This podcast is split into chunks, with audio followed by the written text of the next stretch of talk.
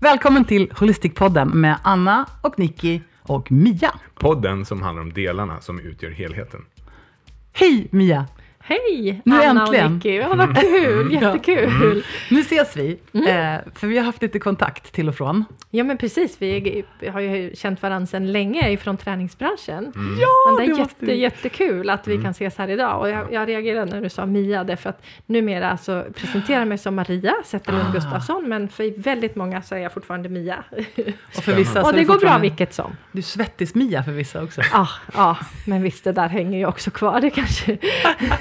Jag måste Ah. berätta, vi träffades ju för länge, länge sedan. Mm. Eh, jag orkar inte ens räkna. Nej. Eh, för jag var instruktör Mm. på ett träningscenter och det var du också. Ja, Och precis. För mig, jag kom in och var jättepirrig för att få vara instruktör.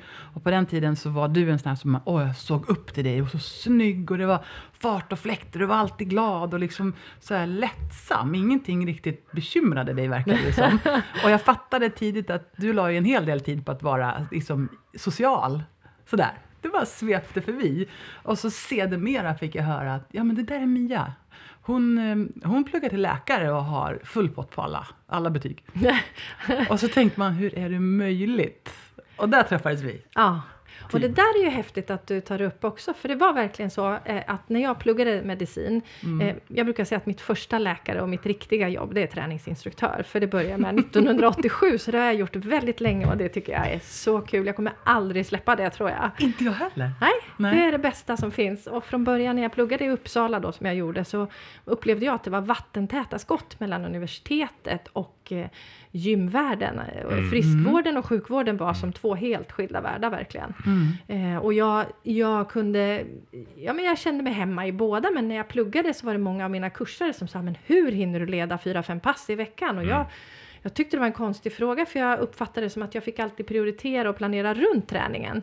Först efter väldigt många år, när man börjar se de här kognitiva, positiva fördelarna med att träna, så förstod jag att mitt minne blev bättre, plugga latinska termer gick ganska lätt. Ja. Eh, koncentration och fokus blev jättemycket bättre liksom, eftersom jag hade min träning hela tiden. Så inte hur hann du, utan tack vare att jag hade så mycket träning så funkar det ganska smidigt.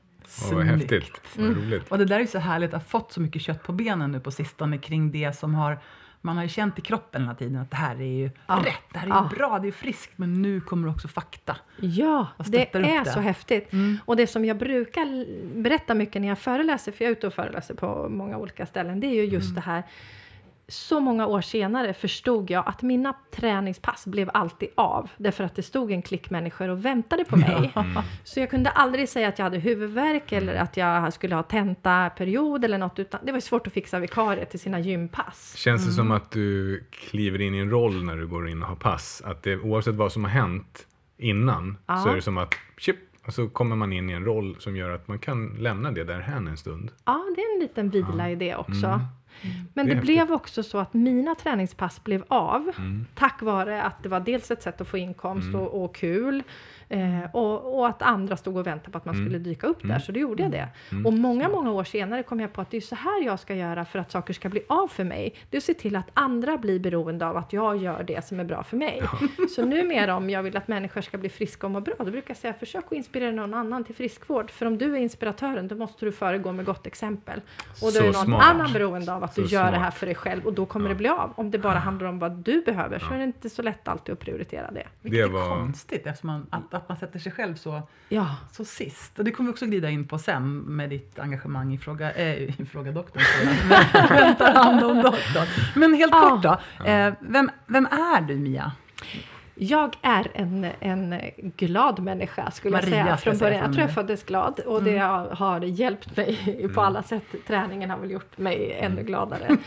Eh, så glad på det sättet att jag är nyfiken på min, min omvärld, både människorna och att hitta på nya projekt. Och lite kanske också rastlös då i det. Jag vill vidare och utvecklas. Eh, Jag har fyra fantastiska söner som också utmanar, eh, mellan 12 och 21. Wow. Eh, Hockeymorsa, mest taxichaufför, det är nästan det främsta yrket jag har numera. Men så är jag distriktsläkare då, sen eh, 2011 blev jag färdig specialist. Så fyra barn, distriktsläkare och alla fyra idrottar också. Ja men det gör de faktiskt och har gjort genom åren och det, det har de nog fått med sig. Så mycket, mycket körande. Ja, ja. Ja, och så och jag sa, vem, vem är du? Och sen så, vad gör du för någonting? Och då har du glidit in på det att du är distriktsläkare och taxichaufför. Träningsinstruktör.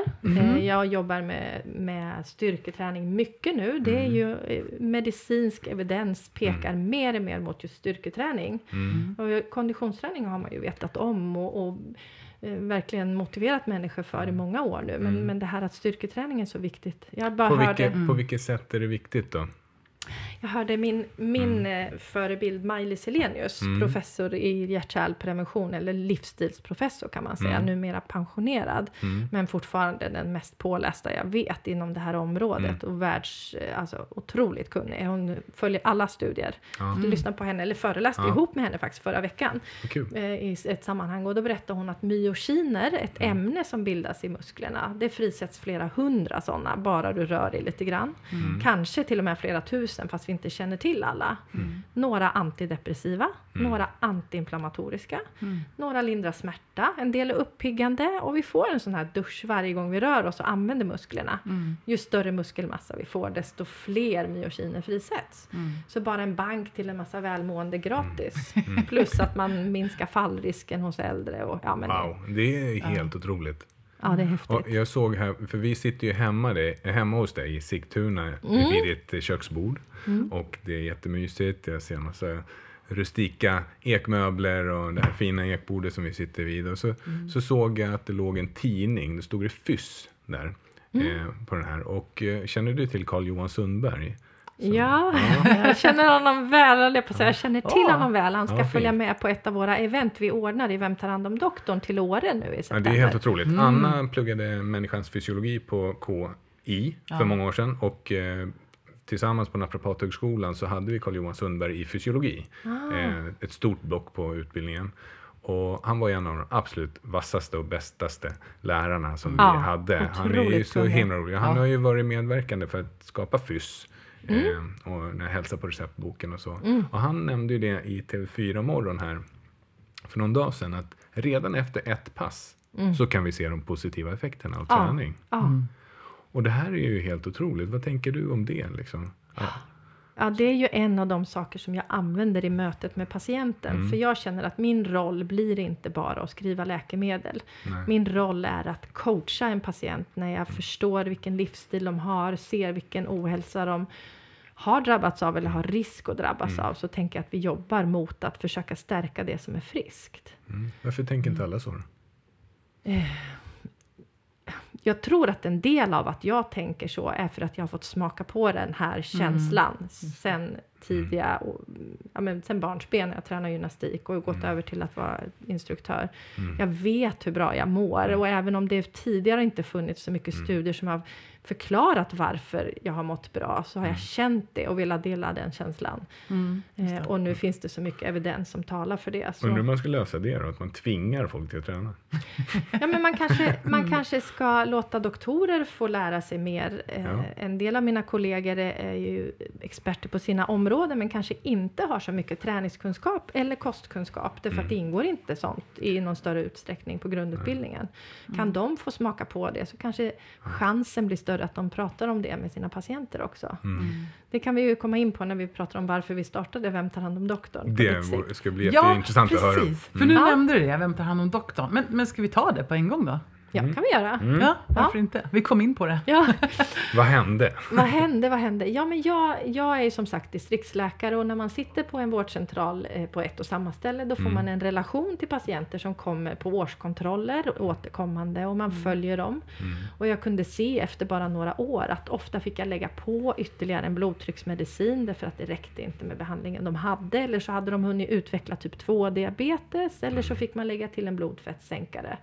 Och jag träffade också de som hade haft det där i flera år som plötsligt hade legat inne på hjärtkliniken och fått en infarkt eller en stroke. Och Jag kände att jag vill in i ett tidigare skede. Jag vill påverka innan de blir sjuka. Och de som redan hade fått någon etablerad sjukdom eller ohälsa som vi medicinera försökte jag också att reversera eller backa den på olika sätt genom livsstilsförändringar. Vad tacksamt. Ja. Vad, vad hände inom dig personligen när du insåg det här? Alltså att du inte kom vidare. För jag menar, du måste ju ha gått läkarutbildningen med någon form av tanke och mening om att Mm. jag vill göra skillnad och så märker du att du kommer ut i vården och så händer det där. Ja. Vad händer inom dig då? Jag kände att det, dels hade jag min träningskunskap som jag kunde Mm. använda. Jag tänkte att nej, men den här ländryggen, det beror lite på svag baksida. Mm. Och så kunde jag hoppa ner på golvet och visa någon övning. Mm. Eller, eller bara tipsa patienter, gå ut och ta en promenad eller försöka röra på det mer. Jag kände mig okunnig när det gäller kost. Mm. Det tror jag vi läste en vecka under fem och ett halvt år i grundutbildningen. Mm. Så det vågade jag inte prata speciellt mycket om. Det fanns lite riktlinjer, men när vi kom in på detaljer då kände jag att jag var otroligt okunnig. Så jag sökte mig vidare och försökte hitta kunskap och läsa på mer själv. Där hamnade jag in på ett spår som, som jag tycker har lärt mig otroligt mycket och det är funktionsmedicin. Just kostmässigt och förstå mera om kosten. Ehm, För du nämnde att tiden till varje patient är inte jättelång. Nej, nej. Och den har ju krympt kunde jag säga bara Ja. sen jag blev färdig. Eller sen jag började jobba som läkare 1997 till Mm. idag. Mm. Är det en otrolig skillnad på Mm. effektivitet och, Mm. och vad det finns för utrymme i systemet. Mm. Och hur påverkar det? Jag tänker att det påverkar både patienter men också doktorn. Ja, ja absolut. Om vi nu pratar eh, tema utmattning, ut, Mhm. eh, alltså stressrelaterad ohälsa så Kan finns det läkare bli det? Läkare blir det tyvärr i alldeles för stor okej. omfattning Mm. idag. Ja. Eh, Det är en av de Mm. yrkesgrupper som det fortsätter att öka, stiga i. Lärare Mm. pratar man mycket om för Mm. några år sedan. Mm. Den trenden har vänt lite grann och det Mm. går åt Oj. rätt håll för dem. Mm. För sjukvårdspersonal så stiger fortfarande ohälsotalen för psykisk ohälsa och framförallt Mm. för manliga doktorer, för kvinnliga doktorer har blivit sjuka, men nu kommer även männen. Mm. Mm. Men en intressant tes där är att det finns ett tillstånd före utmattning som man kallar för burnout. Mm. Utbrändhet, det är inte riktigt samma sak som utmattning ju. Eh, utan det är ett tillstånd där du, när du har utsatts för tillräckligt hög känslomässig stress och belastning på olika sätt, så kan du värja dig genom att bli lite cynisk, lite kallhamrad och avtrubbad som ett slags skydd för att inte ta åt dig för mycket och må för dåligt. Mm. En skyddsmekanism. Men jag skulle säga att med dagens tempo i sjukvården Mm. så tror jag att många har hamnat där. Mm. Det kan i sin tur leda till att man klarar en tuffare situation ett tag och sen är man Mm. tillbaks. Men det kan också vara ett förstadie sen till Mm. utmattning. Mm. På vilket sätt kan det leda till att man klarar av det menar du? Att man, att man inte blir lika ledsen, tar med sig hem de jobbiga Alltså, händelserna eller kanske att snäser ifrån istället för att försöka Mm. eh, ta hand om och så vidare. Eller Mm. skjuta problemen en bit ifrån sig och det handlar inte om mig. Och, Mm. Ja, Att men- du känslomässigt inte är i det hela tiden. Utan Nej. lite, Nej, det är lite precis. det här, jag visar den här stress eh, performance-kurvan. Mm.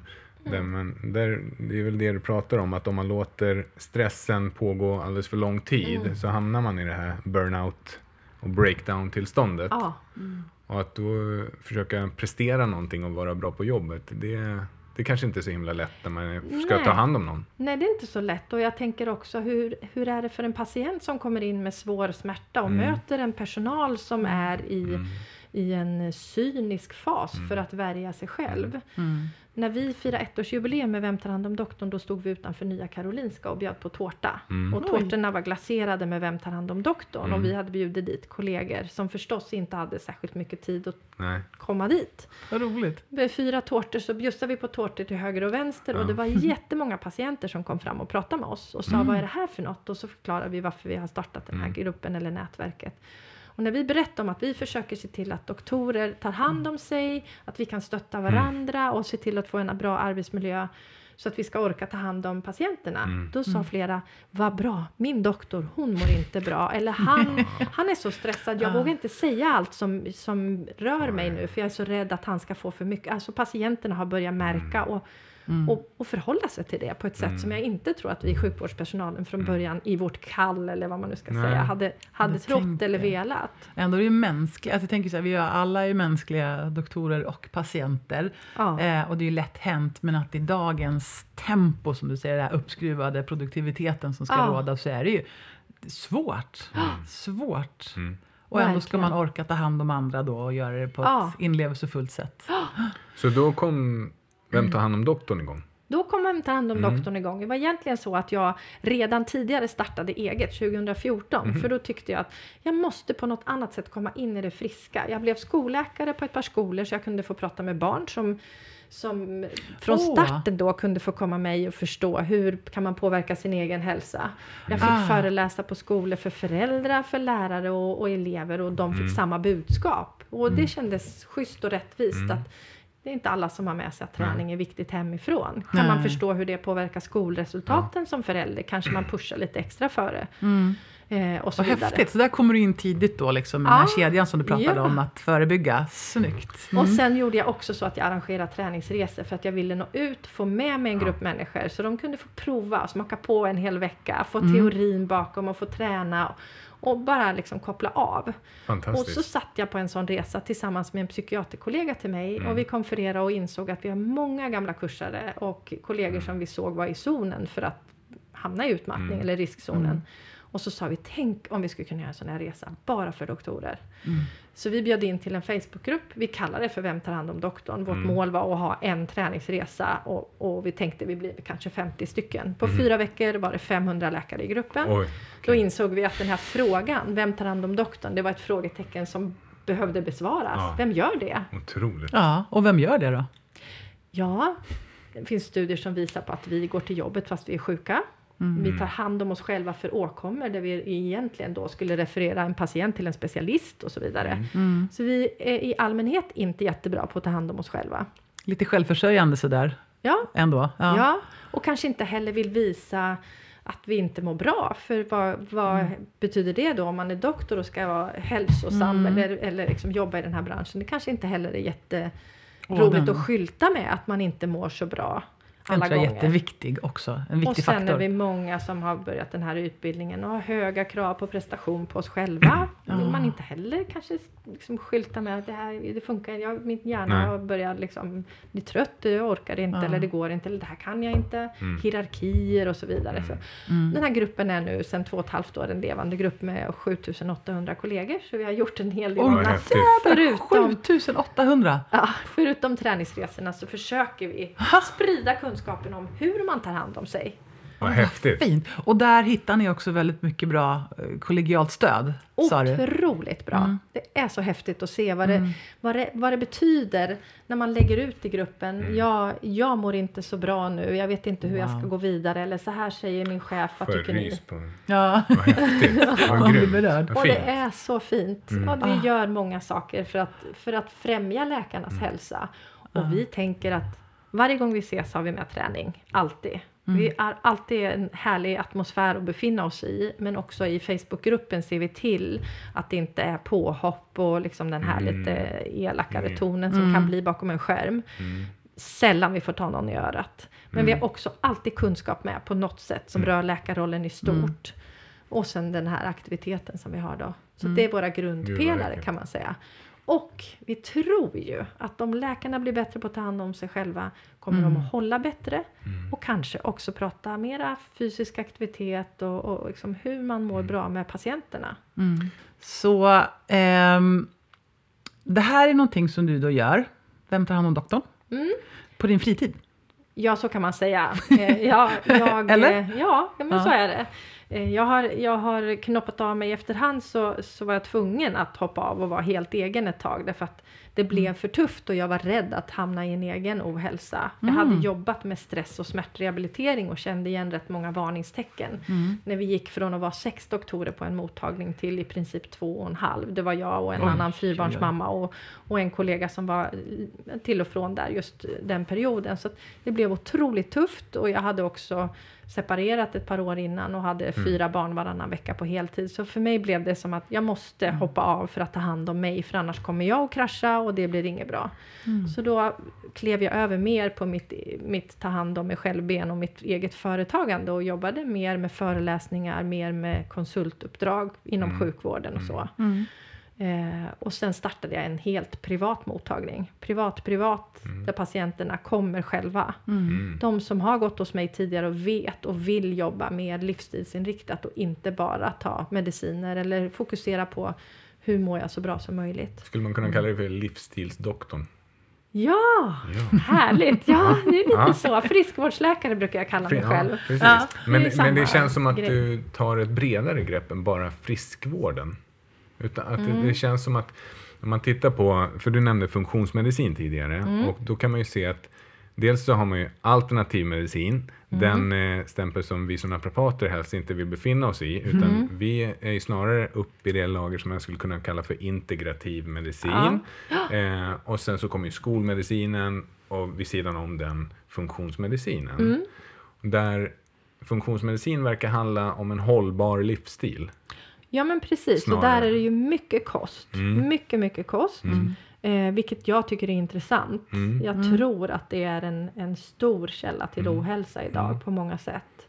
Eh, men man pratar också eh, det psykosociala måendet och så vidare. Så att ett helhetsgrepp. Jag tycker ni har en så fin bild med de här nio tårtbitarna. Eller var det ja, nio? Ja, det är nio. Ja.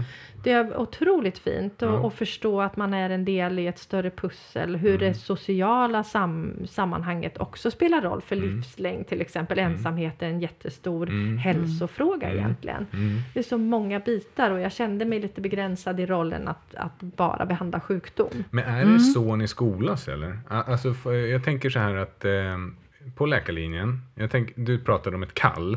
Då var väl ditt kall, tänker jag då som också vårdgivare, att kunna få hjälpa människor. Ja, Och så kommer du på läkarlinjen och motsvarade den det som du hade önskat då? då? Eller, eller, eller gav den ännu mer?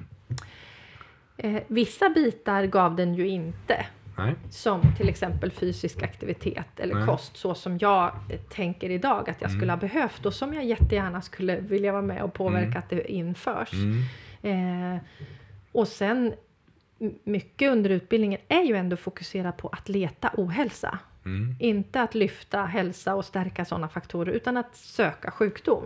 Mm. Vi är jätteduktiga på det och måste vara jätteduktiga på det, naturligtvis. Men jag tänker att om man bara gör det Mm. så missar man kanske saker som man kan göra. Trots att du har en sjukdom kan du må bra för att du kan röra på dig eller göra så här. Eller också i sam samband med behandling så kan du kom ja, kombinera det med olika livsstilsfaktorer så att du mår bättre. Men känns inte det ofrånkomligt att det kommer att komma in i läkaryrket också? Ja, vi måste ju få mer tid med våra patienter och se vad det är som orsakar deras mående. Där tror jag att funktionsmedicinen ligger på ett sätt lite före just nu för att de har mer tid till sina patienter. Det här är ju något som även den traditionella medicinen är intresserad av.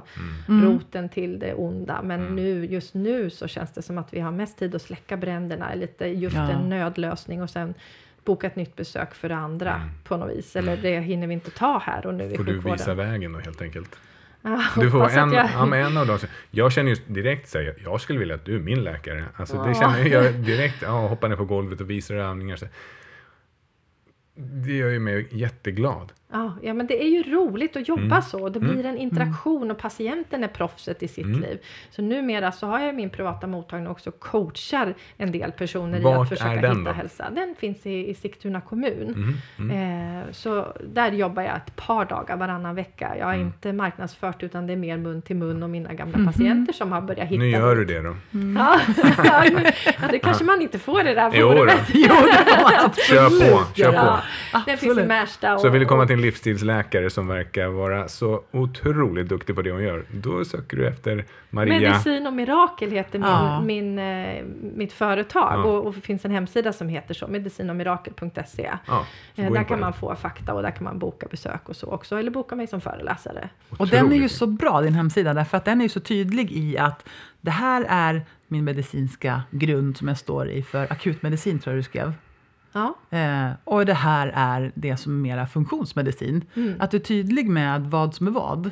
Men, men du får alltid verka i helheten, så att säga. Eller hur funkar det? jag skulle säga så här att, att eh, jag kan ju bara behandla utifrån evidens. Och då Ja. måste jag ju ha, veta hur jag ska förhålla mig till studier och inte köpa allt som Ja, står bara för att det står någonstans utan veta hur jag ska tolka en studie och deras resultat. Just det. Eh, men, men där finns det ju mycket nu på funktionsmedicinfronten också som börjar bli evidensbaserat. Det är ju en ung kunskap om man jämför. Men jag skulle säga att jag, min, min inriktning är att jag är en distriktsläkare, men med ett intresse för levnadsvanor, där jag tar hjälp av de kunskaper jag fått av funktionsmedicin, men jag jobbar inte så. Traditionellt så brukar ju de ha eh, mycket mer provtagning och, och tillskott och Ja, näringsämnen det. och sånt. Ja, min filosofi är att om man äter en bra kost så ska man få i sig det mesta via kosten.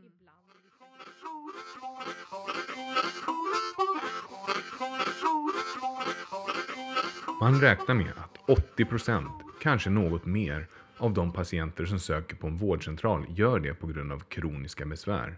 Av dessa 80 procent är cirka 80 procent livsstilsrelaterade sjukdomar. Det innebär alltså att runt 64 procent av dessa sjukdomar och symptom skulle kunna påverkas genom livsstilsförändringar.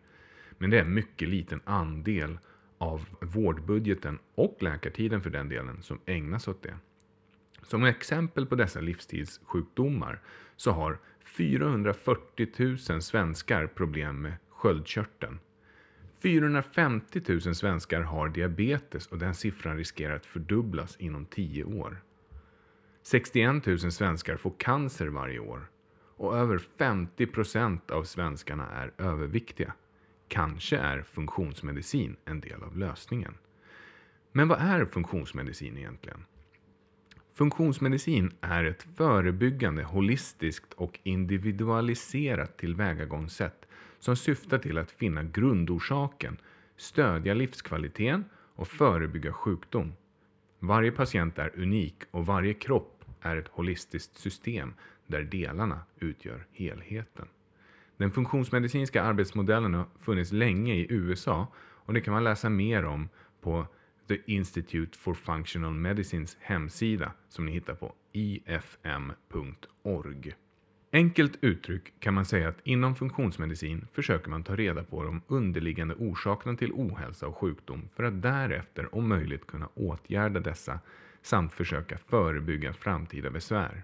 En funktionsmedicinare ställer alltid frågan varför och inriktningen benämns ibland också som the medicine of why. Om du går till din vårdcentral med ett eller flera symptom kommer husläkaren att försöka ta reda på vilken diagnos du har för att kunna ge rätt behandling. Behandlingen blir ofta en medicin som förhoppningsvis kan dämpa eller lindra symptomen. Blodtrycksmedicin sänker ditt blodtryck, insulin sänker ditt blodsocker, antiinflammatoriska tabletter dämpar smärta och inflammation och kortisonsalva lindrar eksem. Men vad händer om du tar bort medicinen? Återkommer symptomen? Har du åtgärdat grundorsakerna till att du fick besvären? De flesta läkemedel får nog anses vara mer symptomdämpande än botande, men undantag finns såklart.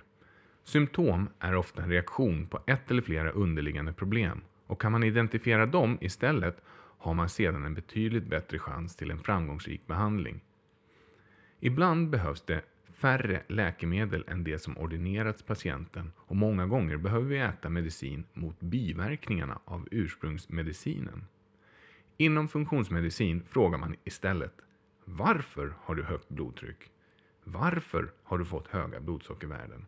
Varför har du diffus muskelsmärta, ledvärk, trötthet, övervikt, ångest, depression, eksem, astma etc. Att ta reda på underliggande orsaker innebär självklart att man behöver få ett helhetsperspektiv på patienten, inklusive grundlig bakgrundshistoria, undersökningar och provtagning. Inom funktionsmedicin ses alltså patienten som en helhet och inte som enskilda organ eller kroppsdelar.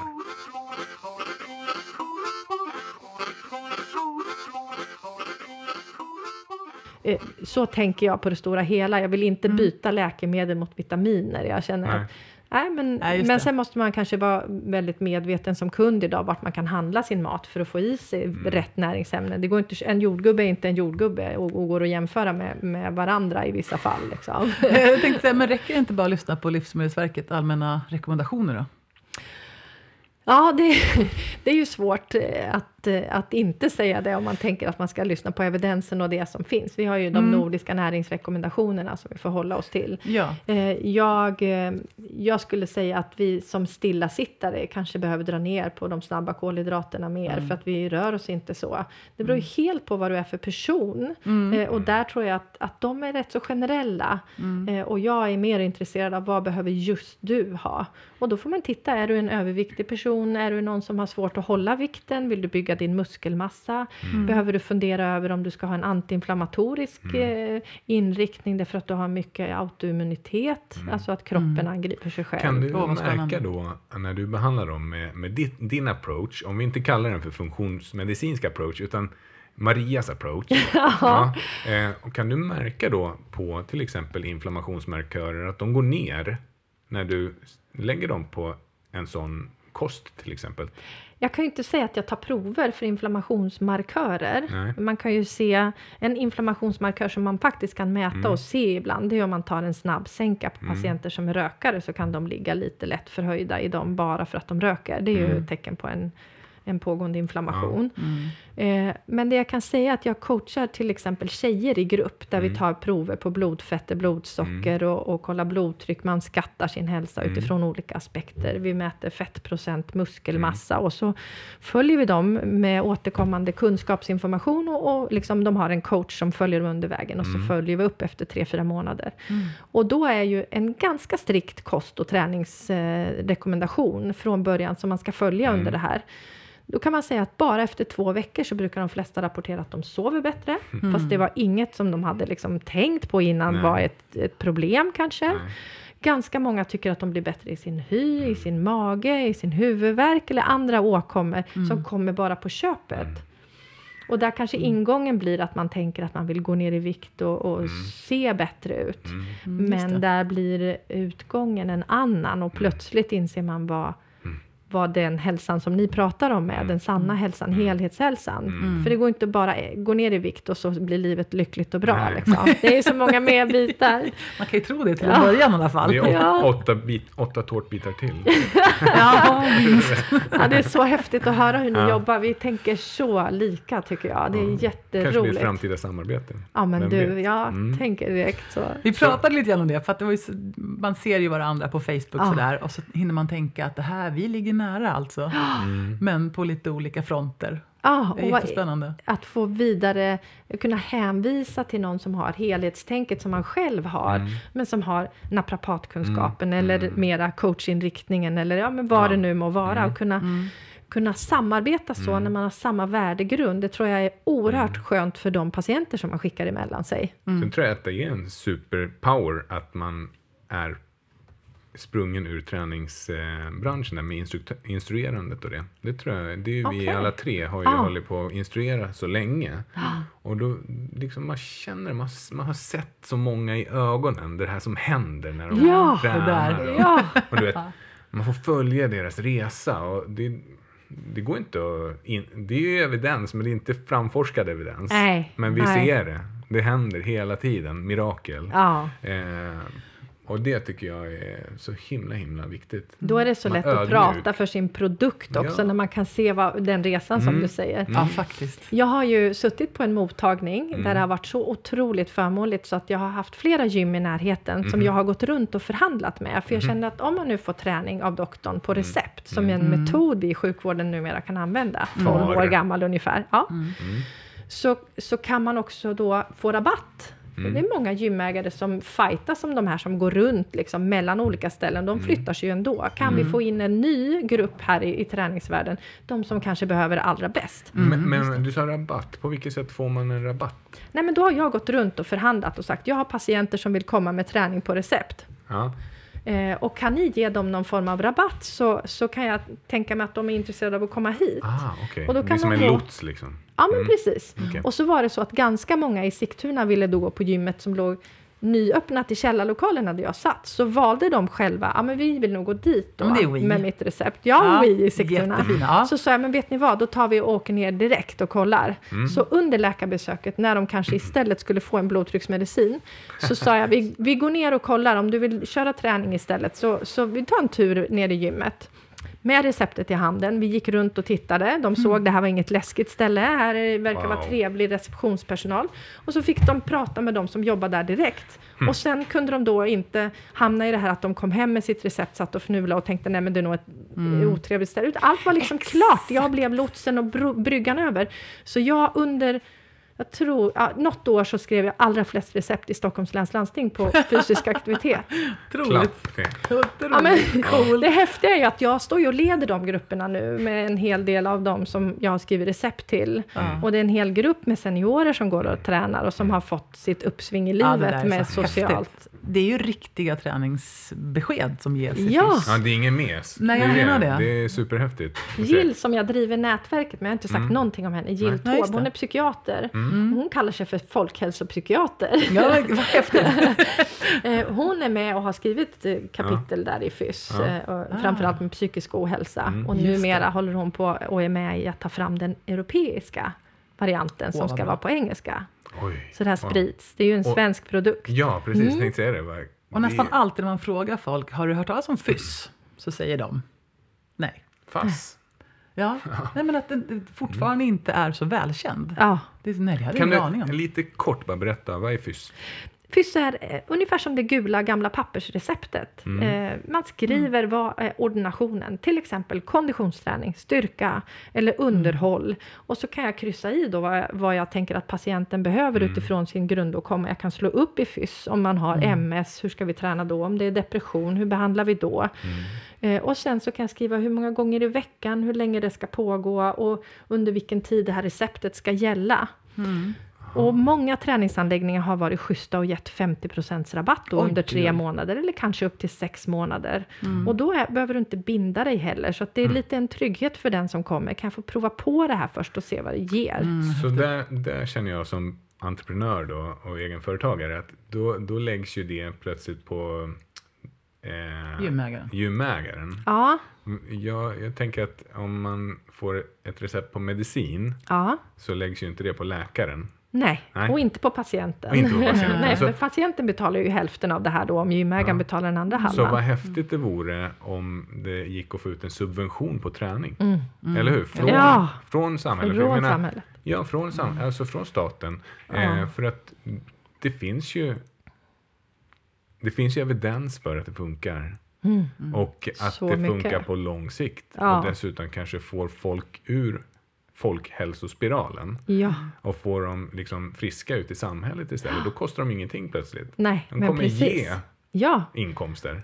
Mm. Och det här är ju märkligt. Varför tror du att det är så? Varför, varför, varför är det en flaskhals där?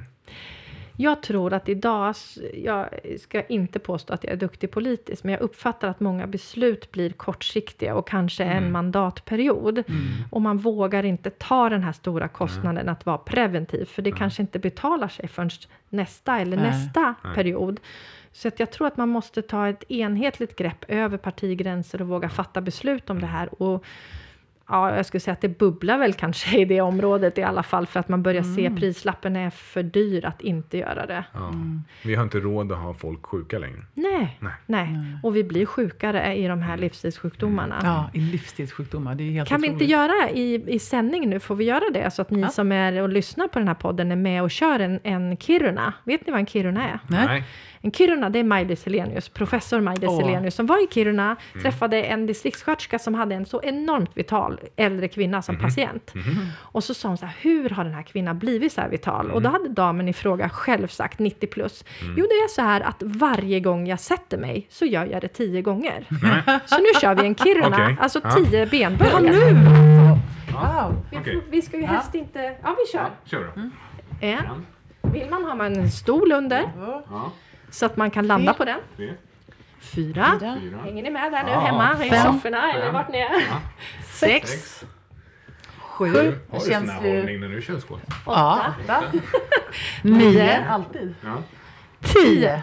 Ah, får ni sitta igen. Den där lilla bensträckan aktiverar muskler, minskar fibrinogenhalten så vi inte får blodproppar lika lätt, ökar insulinkänsligheten. Så Vad- där lite, var de, tjugonde de minut. tio benböj. Ja. Var tjugonde minut, tio benböj. ja, det då- kan du göra i reklampausen på TV. Ah, det är. Det enkelt ibland. Ja, det är det det är som är så enkelt. lustigt. Ja. Ah, Men jag tänkte så här, om man skulle få drömma lite grann då. Mm. Vi som brinner för det här med helhetshälsa och ser möjligheterna i det. Ja. Om allt var möjligt, hur skulle man lägga upp vården? Om man inte, men jag tänker, det finns sjukvård och det finns friskvård, och det finns Mm. förebyggande vård och så vidare. Vad tror du? Hur ska Oj. man kunna göra? Vi har ju skolgymnastik nu till exempel, och Ja. den ser man ju räcker inte till. Nej. Och den är betygsatt, det tycker jag är märkligt. Ja. Eh, Ja. Faktiskt. Vad är viktigt att man får reda på hur bra man är på att hoppa över plinten? Eller är det viktigare att liksom hitta, vad, vad, vad tycker jag om? Leken, glädjen. Ja, exakt. Mm. Det där. Ja, det är många aspekter, men om man börjar i, Ja, barn, det. i barnområdet så att försöka bredda idrotten så att det inte blir så mycket konkurrens och att Mm. man så tidigt måste elitsatsa utan att det blir en bredd och att det handlar om att det ska vara roligt. Mm. Kassamme Eh, tänker jag också är ah. så fantastiskt i idrotten. Ja, Eh, ja bygga vara med i på ett lag och ha Ja. kul tillsammans. Det minns man ju for life. Bara när, bara när vi, vilket kassan vi hade där på, Ah, på på Global gymmet. hälsostudio. Det var Ja. fantastiskt. Det var sjukt kul. Ja. Ah. Och sen tänker jag också det att, att ha idrott varje dag. Det finns ju så Ja. mycket evidens för det också. Mm. Och, och vi, vi behöver lära oss tidigt från början att att röra på oss och ha kul ihop. Mm. Det skulle bli en naturlig del, ja. Ja, ja men precis. Men oj, vilka svåra frågor. Nej, men, eh, Jag tror ju inte heller på att bara göra all träning gratis. För det finns ju någonting som visar att om man, om man får träningen gratis, då behöver man inte ens gå dit. För då har man inget, det svider inte i plånboken att man inte går dit. Ja. Eh, men att vi kanske jobbar mer med att, att utbilda. Det handlar ju också om en okunskap, särskilt i vissa utsatta grupper i samhället idag. Mm. Eh, det är ju en väldig ojämlikhet i hur vi tar hand om oss. Och, och de här grupperna eh, som vi inte når alla gånger, de, de utvecklar ju ännu fler av de här sjukdomarna. Mm. Mm. Och jag, jag klurar så mycket på det här. Igår och tänker, tänk om man kunde subventionera cyklar. Tänk om man kunde liksom på något sätt sub, Ah. eh, fixa fler cykelvägar. Men de här sakerna. Stadsplanering är ju med Ja. på agendan, i, intressant. Det finns, tror jag, ett område i Finland där man har satsat mycket på eh, liksom, närområdet. Ja. Ja. Och fått en enorm rörelse. Och, Ja, vad häftigt. Och utegym och elljusspår och badhus. Och, ja, men mycket sådana här saker tänker man. Att tillgängliggöra möjligheter för att röra på sig. Ja, Och, ja. ja. och kommunik- alltså kommunikationer. Där tycker jag att jag har många yrkeschaufförer, taxichaufförer, busschaufförer eller sådana som pendlar med bil från, från landsbygden. De- Man blir sjuk av att sitta så Ja. länge, så mycket, så ofta. Har du hört om den här studien om bussarna i England? Ja, ja den är så häftig. Att den Jag som har kör, inte hört det. Den som körde bussen Mm. eh, hade ju mycket, mycket sämre, eh, kort sagt, då, livsvärden. Dog tidigare och råkade ut för fler sjukdomar än han som gick omkring på bussen och eh, löste biljetter och klippte biljetter och så. Eh, och det är häftigt. Ja, det är så De häftigt. gjorde nästan samma jobb men enorm skillnad ändå. Anna, Rörelsen. Mm. jag reagerar på att du sa så här, man borde subventionera det och cyklar och sådär. Men så Mm. tänker jag så här att trots allt så är träning och aktivitet världens billigaste produkt. Alltså det måste ju inte till pengar. Nej. Det är ju lite intressant. Alltså det, det här är en grej som vi som är insatta i det och de som har kunskapen vet att det finns ingenting som har så mycket positiva verkningar, verkningsmekanismer och inga biverkningar i princip. Nej. Nej, för det in- är ju en skillnad som, också. Som Ja. inte kostar en spänn.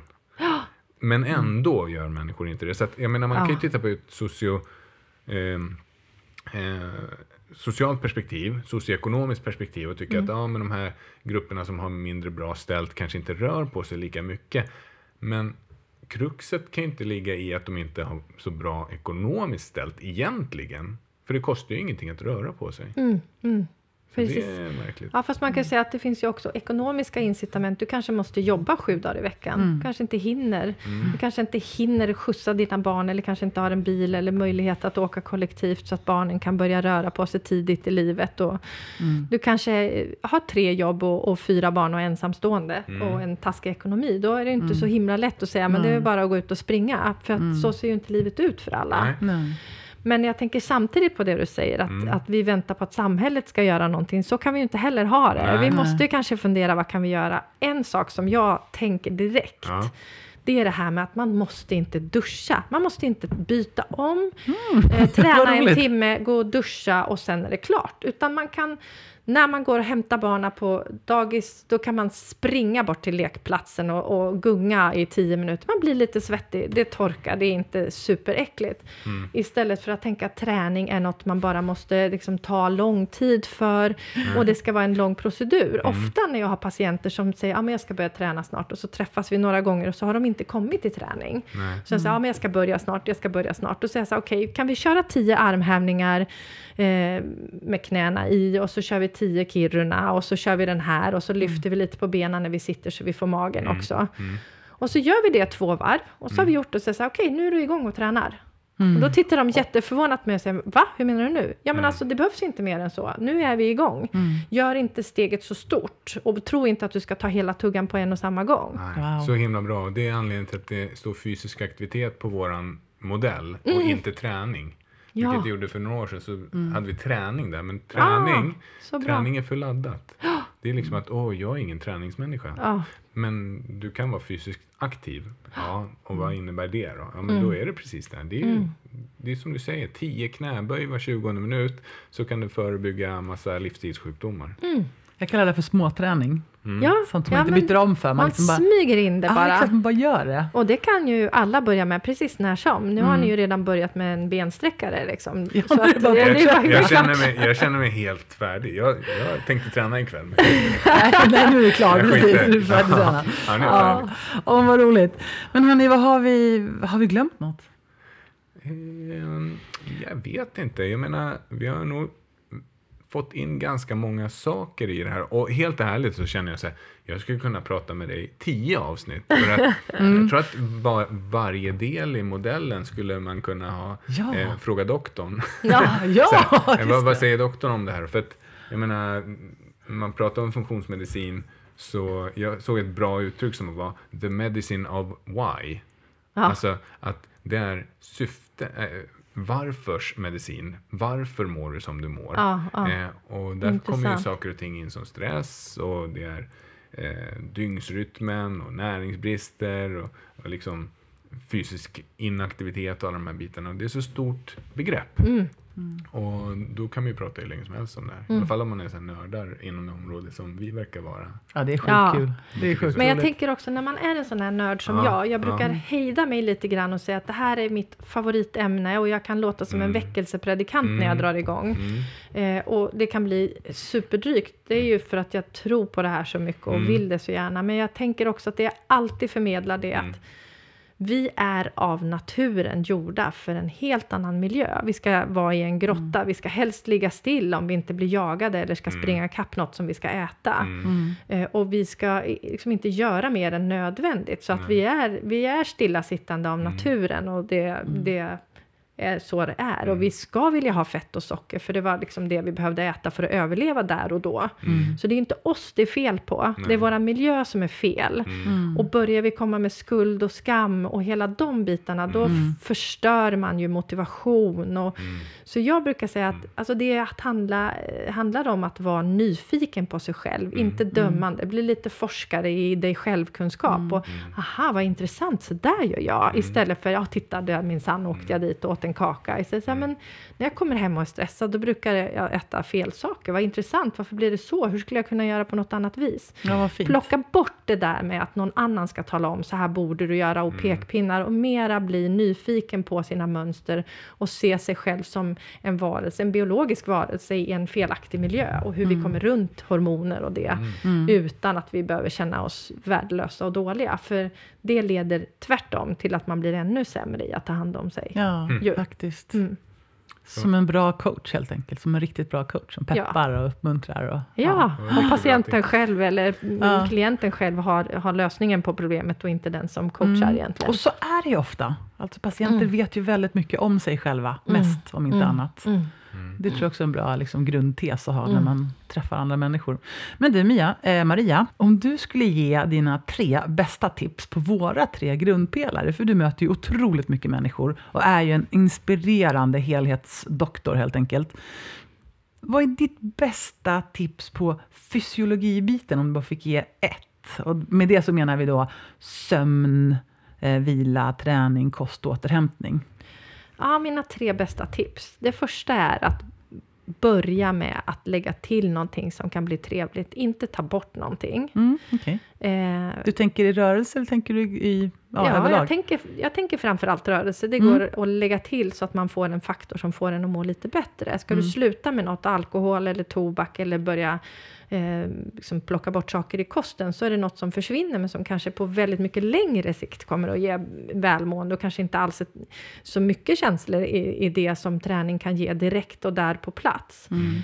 Och man vet i studier att om du förändrar en livsvana så kommer ett, en annan på köpet. Just det, det ripplar av sig. Ja, Mm. det är det ena. Eh, Och jag vet inte om det faller utifrån era eh, liksom, eh, faktorer, ja. de här grupperna som ni vill att jag ska prata utifrån. Mm. Så. Eh, Det andra rådet är att ett misslyckande är bara bra. Därför att då lär vi känna Mm. oss själva och förstår bättre vad vi ska göra till nästa gång. Mm. Mm. Det ingår i bilden, tänker jag. Och en rökare som lyckas sluta röka har i princip slutat, försökt sluta sju gånger. Så att misslyckas är bara Ja. ett steg på vägen mot ett lyckande. Ja, Ja. och där, där är bara för att svara på frågan så är det ju så här att då kan du ändra ditt beteende och få det att rippla av på allt annat. Ja. Eller så tänker du med mindsetet att ett misslyckande är bara någonting som du kan lära dig av och då Ja. kommer det även det påverka helheten. Så att det stämmer absolut. Ja. Det är fantastiskt. Just det. Och sen Coolt. att då det här ni, vi och jag, att Mm. befinna sig med människor som man tänker, men så där, de verkar må bra, de Mm. verkar ta hand om sig, vad gör de? Mm. Och lite grann närma sig de grupperna och hänga lite med dem, man blir som man umgås. Ja, men så är det faktiskt. Okej. Det var ju smart. Mm. Ja. Just det, det smittar ju av sig en hel del. Så nu har vi äntligen fått ha det här samtalet och nu kommer Mm. fler att få höra mer om vad du gör. Vad kul, Och det Jätte, är ju jättekul. ja, jätte, jättekul och jag är helt övertygad om att eh, jag tror att fler kommer efterfråga det som du står för. Ja, men det hoppas jag, för Ja. jag, jag tror ju på det. Ja, Jag, gör är också det. värdelös på att sälja lotter och fröpåsar och annat eh, som jag har fått göra genom åren med, som idrottsförälder. Men det här, det tycker jag om att prata om och Ja. eh, förmedla eller sälja, eller hur man nu ska säga det, för det är ju en hälsotjänst som jag säljer på olika sätt. Därför att jag tror på produkten. Mm. Jag känner att det jag ger, det är någonting som jag vill att människor ska få, för att jag, jag ser hur de mår bra i det. Som, Ja, du vet väl det? Du är Ja. ganska övertygad om. ja, men oh ja. Det är inte en tro, det är liksom en vetskap om att det här är bra. Ja. ja. Är du aktiv på sociala, sociala medier med Medicin och Mirakel? Ja, ja, det är jag. På Facebook, inte på, Facebook. några andra Nej. sociala medier. Men som ja. man söker på Medicin och Mirakel på Facebook så kan man... ja, då kommer man in till min grupp där, Ja, eller min, min eh, sida. Och där delar du jättetänkvärda saker, lite olika. Ja, vad roligt att du tycker det. Ja, men det är Jättekul. jättefint. Texter och eh, rapporter och sånt. Mm. Så den, den är jätteinspirerande. Vad roligt att höra. Mm. Och hemsidan hette också Medicin och Mirakel. Ja. Och ehm, sen ta, Vem tar hand om doktorn? Men den är ju mer en intern grupp. Så det är Ja, fast vi liksom- har en hemsida för att vi tänker dels finns det människor som inte har Facebook och dels vill vi också nå ut på andra vis. Eh, Mm. Vi har också människor som hyr in oss som föreläsare och pratar om arbetsmiljö på vårdcentraler och Mm. eh, på sjukhusmottagningar eller i fackföreningar och mindre eller större sammanhang. Så, Mm. så att, eh, det finns en hemsida som heter Vem tar hand om doktorn också. Ah. Okej, så man kan gå in och kolla på lite grann. Ja. vad häftigt. Vad, vad tror du att de som lyssnar tar med sig av det här samtalet? Mm, det var svårt. Att det, ska, det ska jag säga att jag hoppas att de tar med sig någonting i att stärka sig själva. Det är min förhoppning. Att känna att aha, det är inte mig det är fel på, det är miljön och jag, det är bara att liksom se att man kommer runt det där och göra det, göra det här och nu. Inte vänta tills nyår eller semestern eller så, utan börja med det som du vill göra redan nu. En liten grej, kanske ta ett äpple nu istället för att bara dricka kaffe. Och Kiruna? Eller en Kiruna. Kiruna, den är Ja. också bra. Jag tänker att det också jag tycker att det är öppnande att eh, läkare talar mer om livsstil. Mm. Jag tycker det är häftigt. Jag tycker det bjuder in människor till att eh, ja, men det är viktigt. Ja, vad roligt att höra. Mm. Så ja. jätte, jättekul att höra det från dig. Ah. Eh, och att det, är sånt brinn i det här med... Nu pratar vi inte jättemycket om kost, men vi pratade om att den är viktig. ja, Och att den bör ingå. Ja men nu går jag i detaljnivå, nu kan jag så mycket så nu vet Mm. jag, liksom, jag vågar prata, vad äter du till frukost då? Och Ja. den där yoghurten och vilken sort och vet du hur mycket socker det är eller, eller Mm. mättar det? Eller, ja, men jag vågar gå in på den, den detaljdiskussionen därför att jag har ägnat mycket tid de sista två åren åt det här med kosten. Mm. Och det gör skillnad. Det gör att jag vågar och jag tror att det är Mm. det som är den stora skillnaden till många av mina kollegor som inte pratar kost. De vet inte riktigt för att det är, det är ett så stort område och svårt att ha koll på. Det är det verkligen. Ja. Jag, jag brukar säga att när man går in på en vanlig butik Mm. eh, så är ju åtminstone hälften, jag brukar säga mycket, mycket mer, 75 procent, är ju sånt som man helst inte ska eller behöver äta. Och då är det lätt att bli lurad. ja, men precis. Och, När det och är stora överallt. studier som blåser upp saker på ett sätt som man tror, Mm. eller rättare sagt små studier som blåses upp på ett stort sätt Mm. med kunskap som egentligen inte är så evidensbaserad. Nej. Men om man säger de ungefär, jag tror att det är 200 000 artiklar om kost som finns som pekar åt samma håll. Där är det ju entydigt och, och de seriösa studierna säger ju att det är en, en medelhavsbaserad kost egentligen som man ska äta med, med få inslag av mättat fett till exempel. Mm, Exakt. Och ganska mycket, Mycket grönsaker. grönsaker. Och, precis. Och det, det hittar man ju faktiskt i affären Ja. också. Jag Ja. kan tycka att både medelhavsinspirationen, eh, men även att man, jag brukar kalla det för paleo-ish. Mm. Alltså att lite så här ursprungligt, att man tittar på vad är vi, liksom, vad är vi skapta för? Mm. Är vi skapta för att äta konserver liksom, och massa halvfabrikat? Nej, Mm. det är vi ju inte, utan ren mat. Vi behöver mat som man ser vad det är för någonting på tallriken. Ja. Och där vi vet vad det är vi har stoppat i. Eh, där, ja, där är liksom ursprung, det är äkta vara. Ja, ja men precis. Och då blir det rätt bra. Sådär, så att det, Ja, det håller jag med om. Får se om vi ses igen och pratar om bara kost då. Ja, ja det Eventuellt. vore häftigt. Ja. Ja, men du, då tror jag att vi har kommit så pass långt att det är dags att säga hej då. ja, Ja, Ja. och på återseende förhoppningsvis. ja absolut. vad Ja. kul. Bra. Ja. Tack så mycket, Tack. doktor Maria. Hej då! Tack, hej. Om ni vill veta mer och få kontakt med Maria så kan ni nå henne på medicinochmirakel@gmail.com eller gå in på hennes hemsida medicinochmirakel.se och kontakta henne där så kommer ni få en fantastisk vägledning. Vill ni följa oss på sociala medier så gör ni det på Instagram, for, formholistic, på Facebook, formholistic och på LinkedIn, formholistic leadership. Ni kan också gå in på vår hemsida www.formholistic.com. Det är formholistic med ett c på slutet.com.